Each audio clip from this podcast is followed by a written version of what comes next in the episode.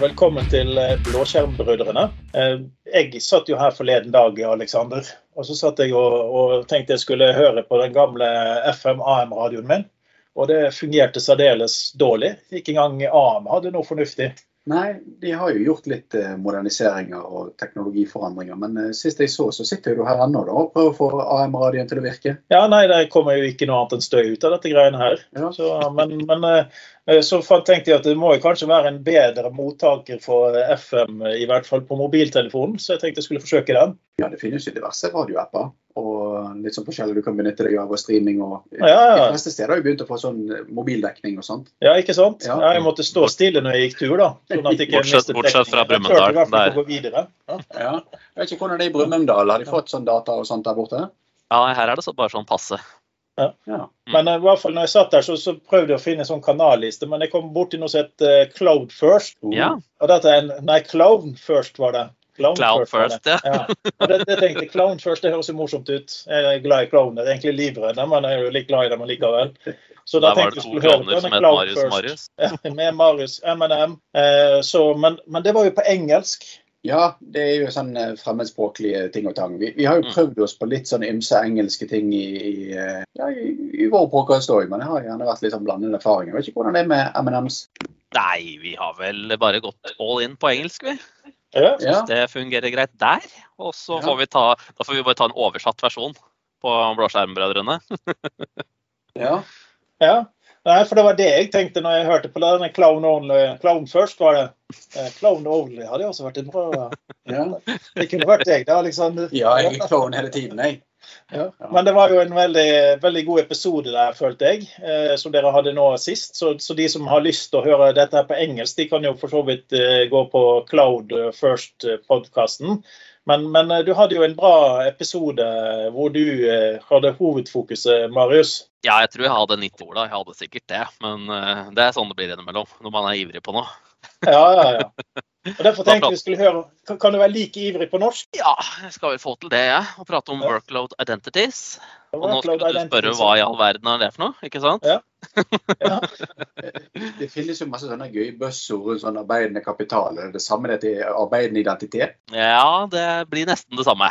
Ja. Ja, ikke helt. Men eh, nei, altså Workload identities, eh, det er jo litt sånn generelt eh, begrep. Men eh, mange som har vært inne, i hvert fall i Azure Active Director i verden, har kanskje sett noe rundt app- app-registreringer eller Enterprise-applikasjoner. De har kanskje hørt om service principles. Um, og så har de slitt med at det har vært noen sertifikater eller noen uh, hemmeligheter eller secrets. Jeg må bruke noen engelske ord, ellers så blir dette her helt corny. Ja, ja. Har du noen hemmeligheter til meg? ja, har det. Men jeg, jeg tenker sånn eh, straight out of my head, så ville jeg sagt at dette er kanskje noe som vi i, Hvis vi hadde tenkt legacy, så hadde vi tenkt på tjenestekontoer, altså service accounts. Altså Ja. ja, Mm, no- noe, ja, noe som skal krever en form for identiti identifisering uten å være en identitet. Ja, ikke sant. Uh, så sånn som det jo er i eh, Zero Trust-verden, så er det jo um, sånn at du skal klare deg veldig fint ut Altså, nettverk må være der, men alt kan, skal, kan i utgangspunktet være pip åpent. Om det er en veldig god idé sånn ransomware-messig og sånn, så kan vi ha en helt annen diskusjon. Men, men i alle fall uh, i en type uh, zero trust-tankegang, eller i et sånn type, type design, så, så tenker man sånn at da er det både jeg som f.eks. bruker, eller min enhet, alle sånne type ting, eh, må identifisere seg.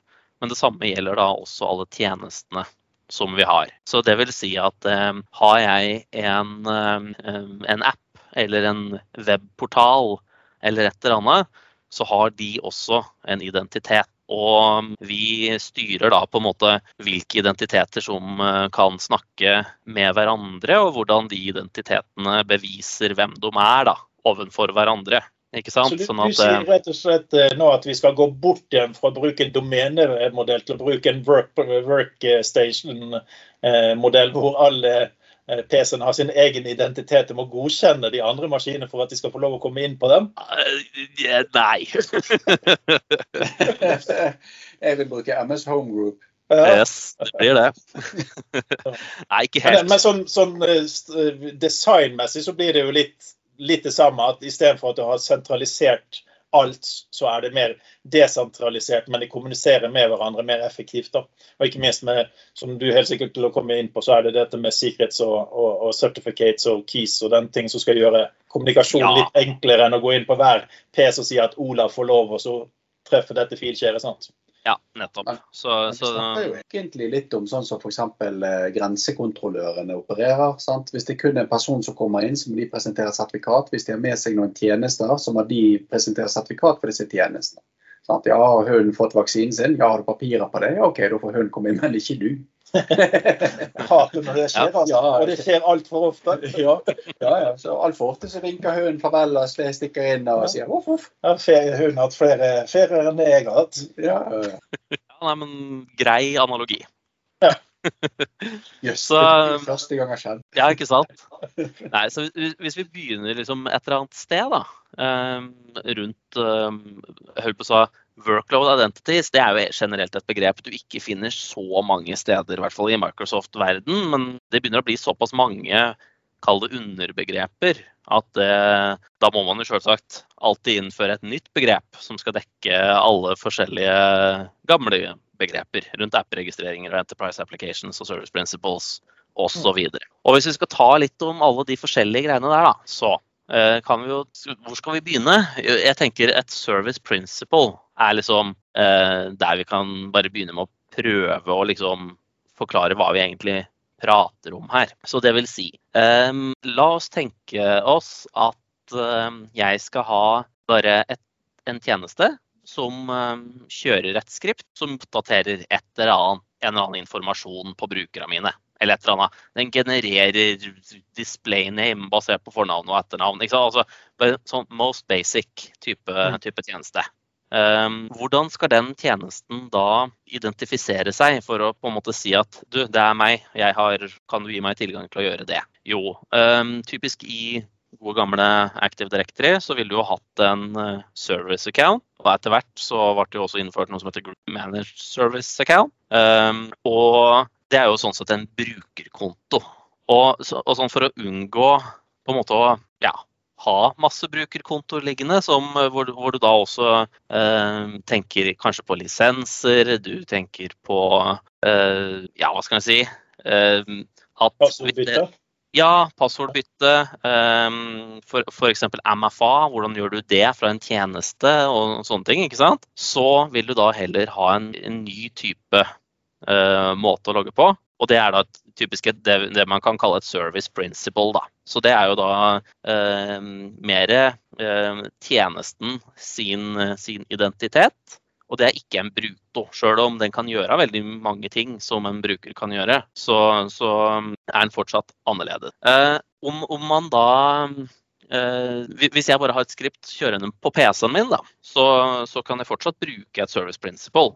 Så, så det vil si at jeg har eh, typisk da en client ID eller en app-ID.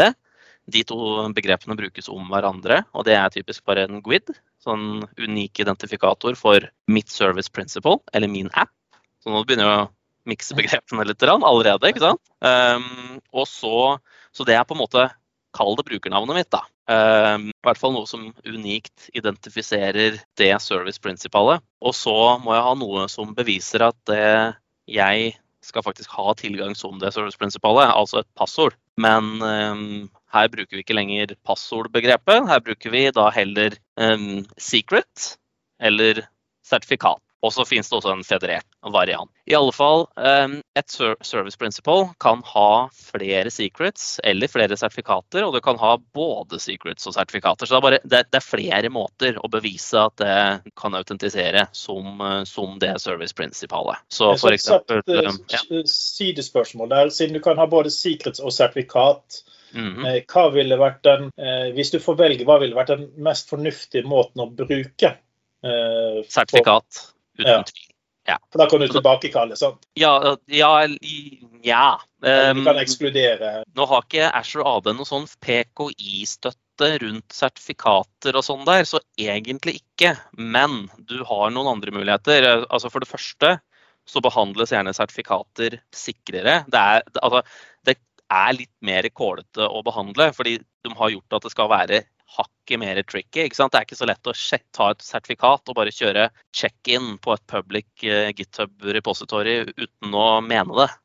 Du må mm. gjøre litt grep da, for å klare å dumpe ut et sertifikat og en privatnøkkel ut i, uh, ut i f.eks. et Git-repo. Ja, for så, der, der store forskjellen er vel på sertifikat og sikkerheten. det er jo at Hvis du har sikkerheten, så har du både brukernavn og passordet. Eh, ja. som oftest. Eh, mens hvis du har sertifikatet, så må du fortsatt ha passordet som kreves for å åpne, altså importere det sertifikatet, f.eks. så blir det lett å distribuere det i, ja. internt i organisasjonen. Ja. I tillegg så kan det sertifikatet ligge i Keyvolt, sånn at, eh, eller andre lignende tjenester. da, F.eks. en sånn Hardware Security Module, HSM, som vil si at du kan ha et sertifikat som ikke har privatnøkkelen til. Så du kan mm. bare bruke, altså du har et eller annet grensesnitt. Du kan bruke sertifikatet med, men du får ikke på en måte henta ut privatnøkkelen og kløna bort den på et eller annet vis. Så, og I tillegg så har, kan også applikasjoner eller service principles som bruker sertifikater, de kan også rullere sitt eget sertifikat. Så du har enklere life cycle management på det også.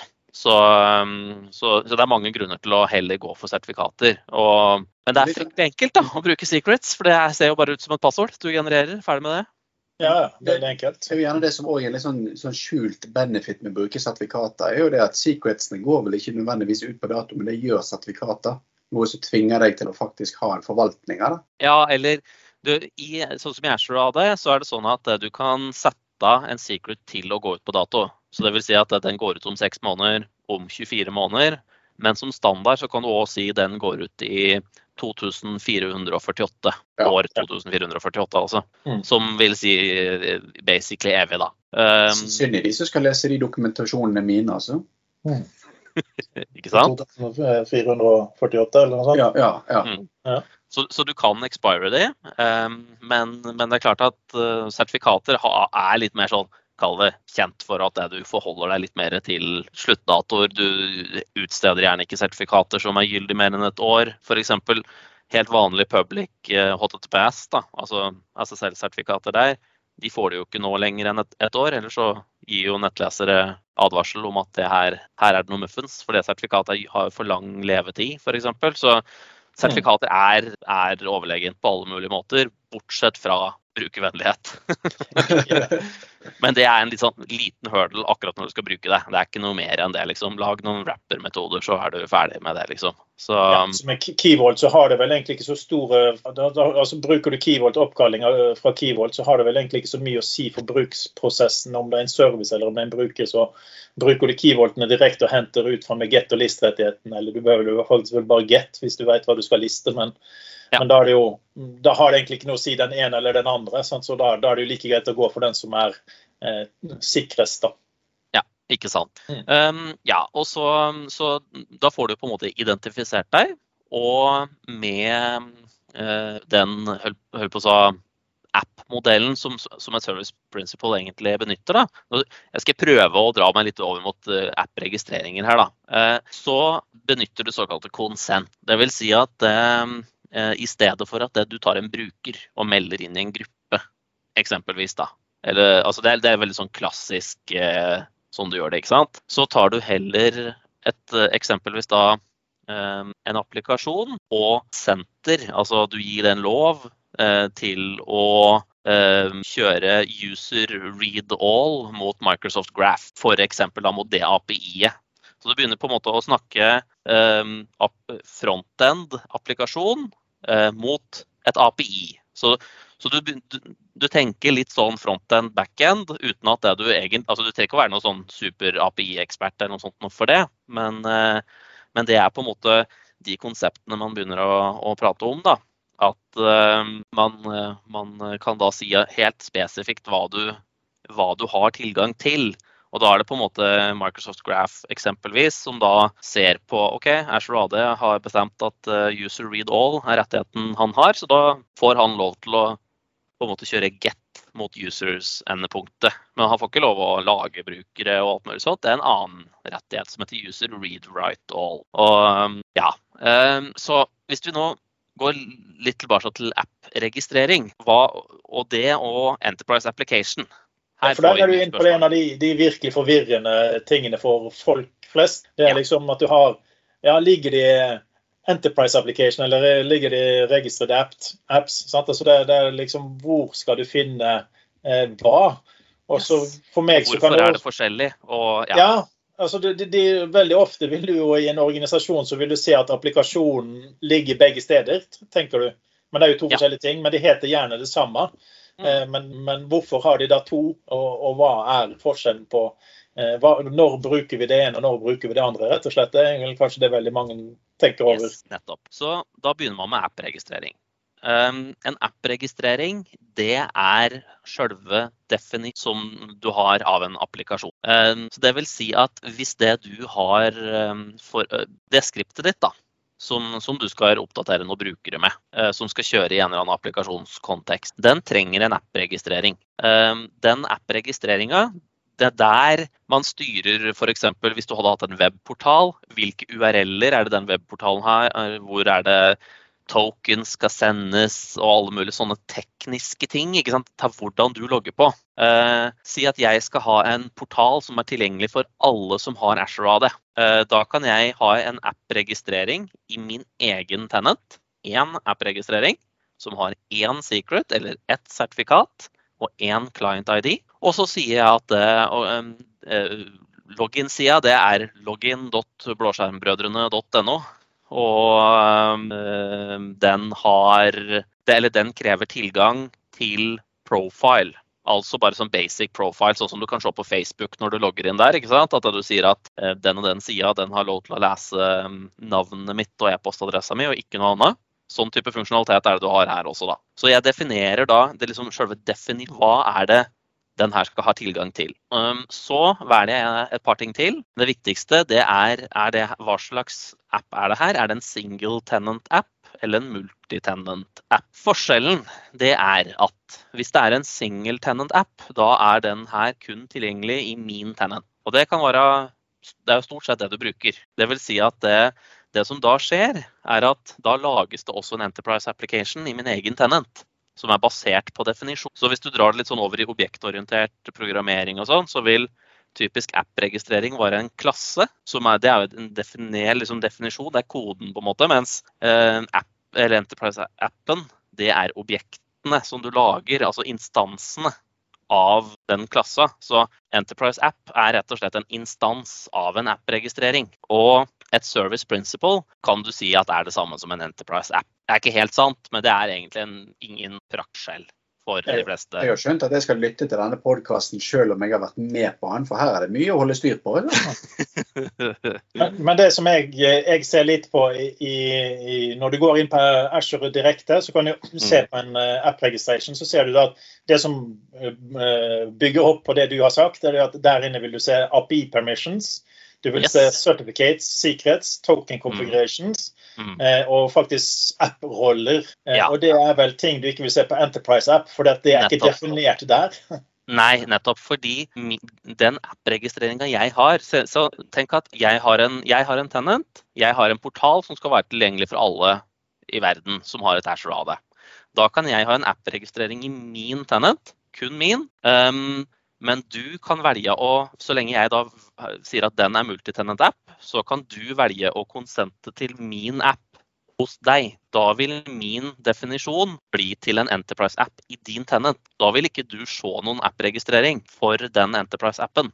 Du vil kun finne Enterprise-appen. Og den Enterprise-appen vil da ha de rollene jeg har definert i min app-registrering den vil bruke alle sånn redirect URL-er og sånne ting som jeg har definert i min app-registrering. Så jeg har, Du skal jo ikke styre hvor min side logger på. Det er det jeg som definerer hos meg. Du skal ikke styre hvilke secrets jeg bruker for å, for å autentisere og, og, sånne type ting. fordi du skal bare konsumere den tjenesten. Så, men, men, jeg trenger da et konsent fra deg, altså en godkjenning, om at, det, eh, eller, om at jeg trenger profile. Eller det kan også være mail.read. Så jeg trenger faktisk tilgang til å lese din mail. Altså, som den ser i min, eh, min uh, testtenant så ser jeg det at uh, jeg har uh, opprettet Kahoot. Og det betyr ja. at det er ikke en app registration. For dette, det er ikke jeg som har funnet opp Kahoot, dessverre. Så det er ikke jeg som tjener pengene der. Eh, men jeg har det som en enterprise application. Ja. og det betyr jo da at eh, det er jeg som kan styre hvem som skal få lov å bruke Kahoot med I vår, ja, Mm. sant, i vår Helt tenant. riktig. Ja. Så skal vi bruke dette til sånn legacy technology-måte, da, så er rett og slett eh, app registration det er det at du installerer applikasjonen med en floppydisk på en NT40-sak, og du definerer eh, config.ini funksjonalitet om hvordan den skal virke. Mens uh, Enterprise. Apps, da har du rett og slett bare en slags eh, Bruk denne Citrix-porten, så kommer du inn for å bruke det du skal ha, men den må registreres hos deg. Ja. ja. Jeg liker den. Jeg liker den. To ganger på én dag. Ja, ja. Det her, det her er rekord. Ja, det er jo gale. Og, men der, der ser vi da På Enterprise Applications-siden så kan jo jeg da si hvilken gruppe som skal få lov å logge seg på. Om vi skal ha single sign-on f.eks.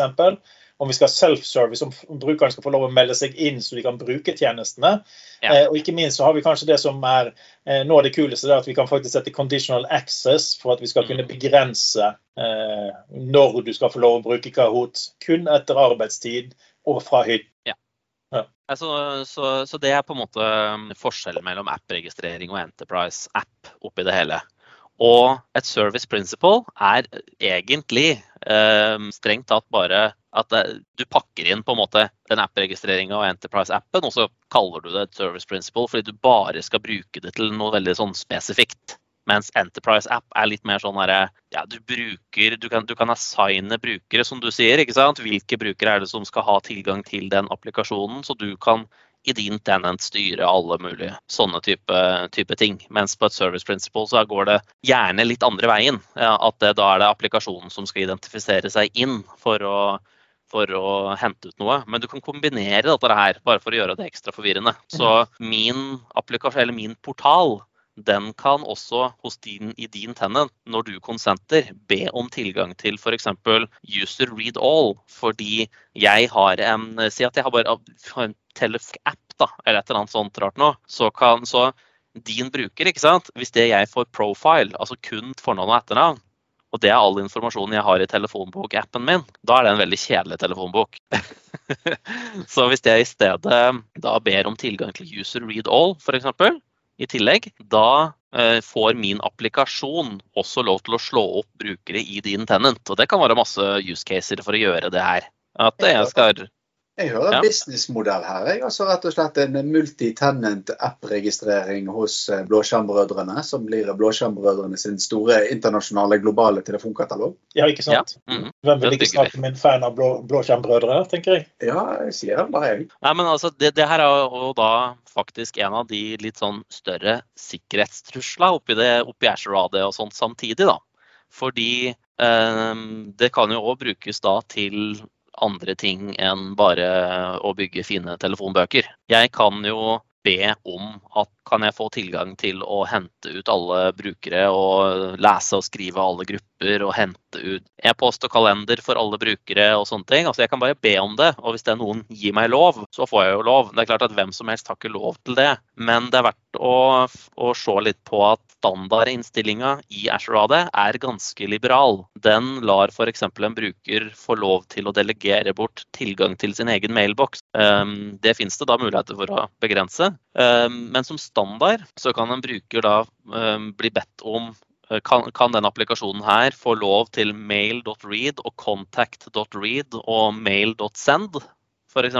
Um, og da kan den applikasjonen som brukeren da gir lov til det, få lov til nettopp å sende e-post på vegne av brukeren. Og det kalles jo da consent phishing.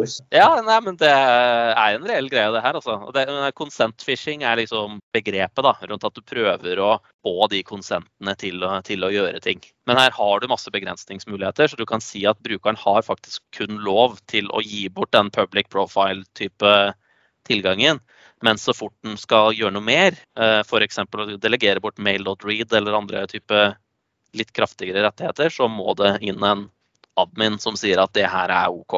Men du har jo av og til at det popper opp, eh, og det kan jo være i kraft av hva vi har logget på med, men så har, du eh, consent on the behalf of the eh, organization. Ja. Når den popper opp kontra en vanlig.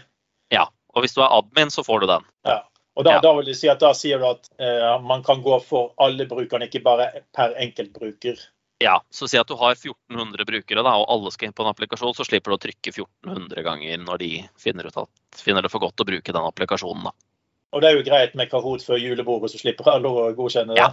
Og Det er det som kalles da et admin-konsent. Det er Mm. liksom at en administrator konsenter til at eh, en applikasjon kan benyttes. Og Der kommer det vel gjerne inn den fordelen at uh, bruk separat konto som administrator i skyen enn den du leser mailen din eller legger til apper med. Ja, for ellers er jo du som blir den, uh, det phishing-offeret, for å si det sånn. Ja, og så har du åpnet opp for så mye mer enn det du burde, burde, burde ha gjort. Du, du, gikk ikke bare glipp av ditt, ditt innhold, men du ga kanskje rettigheter som ikke hadde vært naturlig og mulig å gi for en vanlig bruker. Ikke sant. Um, ja, også, vi, vi prata også om um, litt sånn Keyvolt og, og sånne ting, med sertifikater i stad. Um, men det fordrer jo at her, her er det jo et lite sånn høna og egget-problem. Um, hvis det jeg har en tjeneste, så en, en website i Asher f.eks., og den skal hente noe fra Kival, og så uh, trenger den en, en client ID eller en application ID um, og en secret allerede for å aksessere keyvoltet.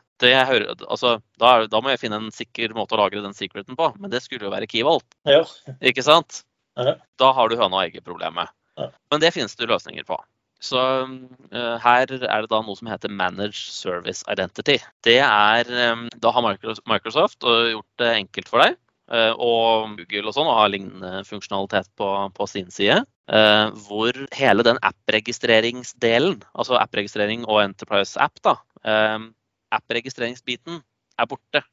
Microsoft styrer den for deg. De styrer sertifikatet og alle sånne type ting. Så i da den Asher-websiten uh, så eh, får du egentlig bare en sånn environment-variabel som, du, som inneholder en, eh, en URL som du må hente, benytte for å hente tokens. Og så er det Microsoft som bare styrer alt for deg. Så da sier du egentlig bare fra på en måte koden da, i, i, i websiten, eller i Function-appen, eller i Logic-appen, eller hva som helst. Eh, gi meg eh, tilgang, eller et token for å aksessere Keyvolt. Vær så god. Og da styrer Microsoft hele greia for deg. Og da, og da har du egentlig ingen secret å ta vare på lenger. Og det er veldig nyttig og veldig kraftig, og gjør at det du, ja, du sparer veldig mye jobb, da. Men kan du sette på noen begrensninger der, sånn at du får ikke lov å være en, en tsjetsjener som kommer inn, f.eks.? Eh, ja, eh, så rundt eh, Det er en ganske ny funksjon som kom ja, november eller noe sånt. eh,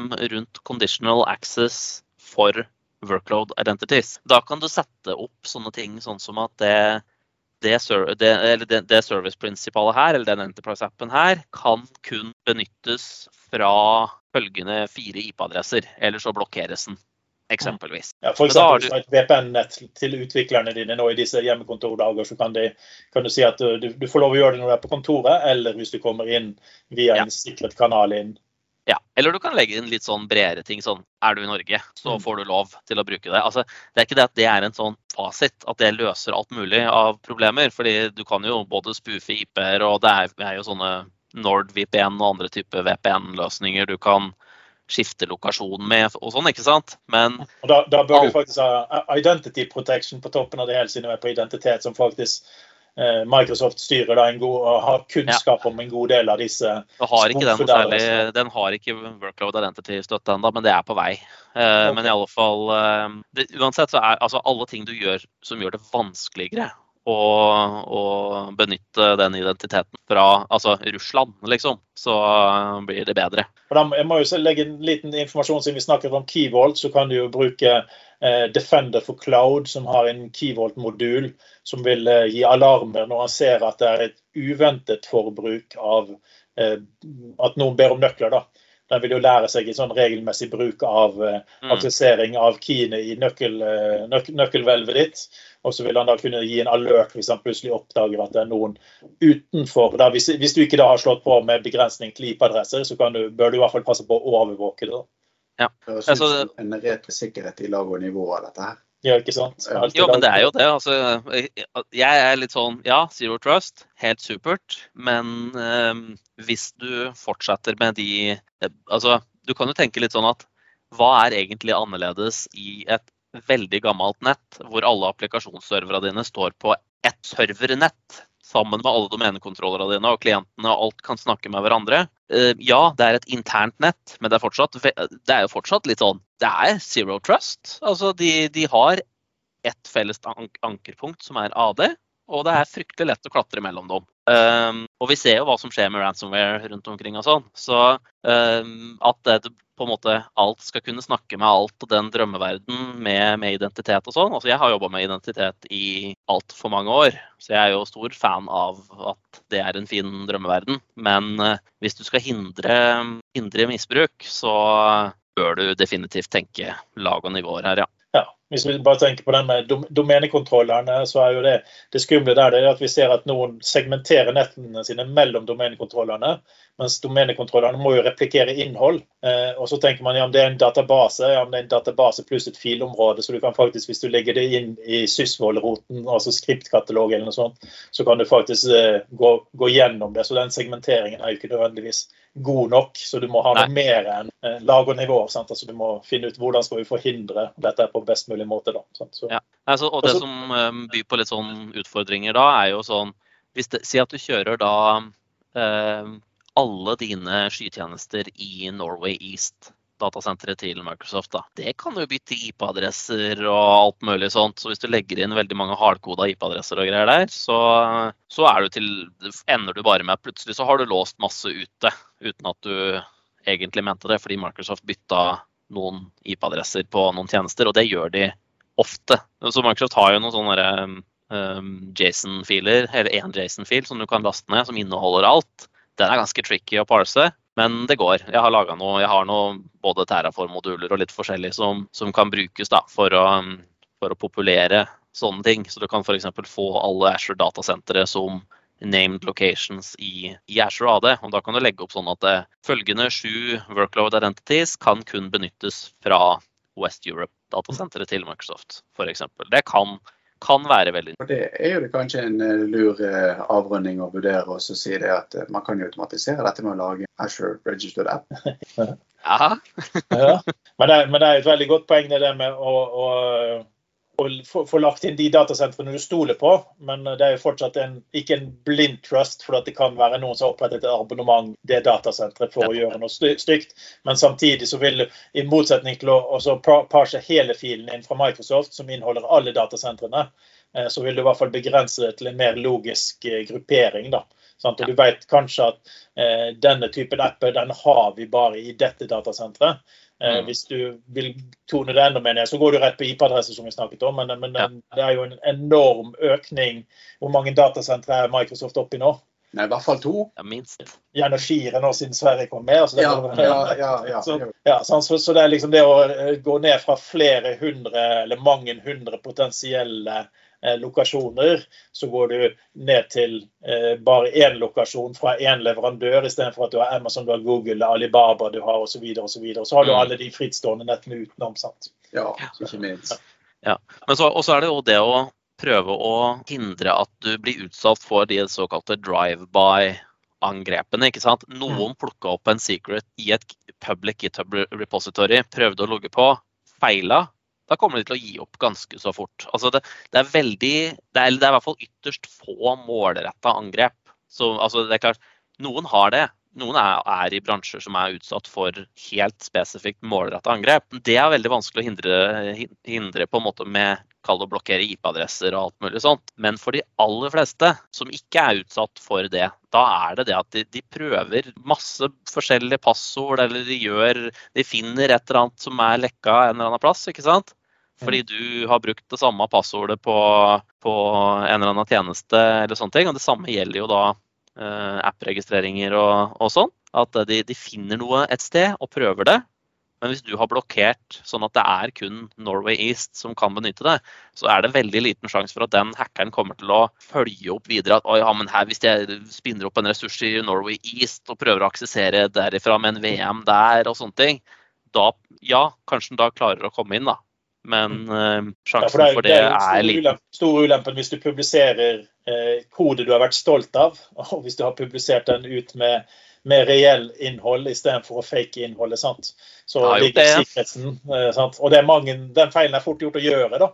Eh, ikke minst, Du kan jo ha satt, satt, opp en synkronisering, sånn at ikke du ikke tenker over at det faktisk går ut i skyen din som kan ligge public tilgjengelig. sant? Eh, men samtidig så er det jo mange som ligger eksempler med en sikkerhet, som da er en fake sikkerhet, bare for å vite at insert sikkerhet her. sant? Så, og det, det, er jo det de vil godta. altså Hvis ikke de får respons, så vil de tenke at OK, her er det bare et eksempel sikkerhet, ikke en reell sikkerhet. Ja. Men så, det, men så, hadde du flaks, for det var egentlig den riktige secreten. Men du hadde stoppa sånn at den var kun tilgjengelig fra visse IP-adresser mm. eller lignende. Ja. Og du får samme feilmelding, da. For du, blir, du får bare liksom Du kommer ikke inn, type feilmelding. Om ja. du er stoppa med IP eller om du er stoppa med feil, feil secret. Så um, det er veldig nyttig.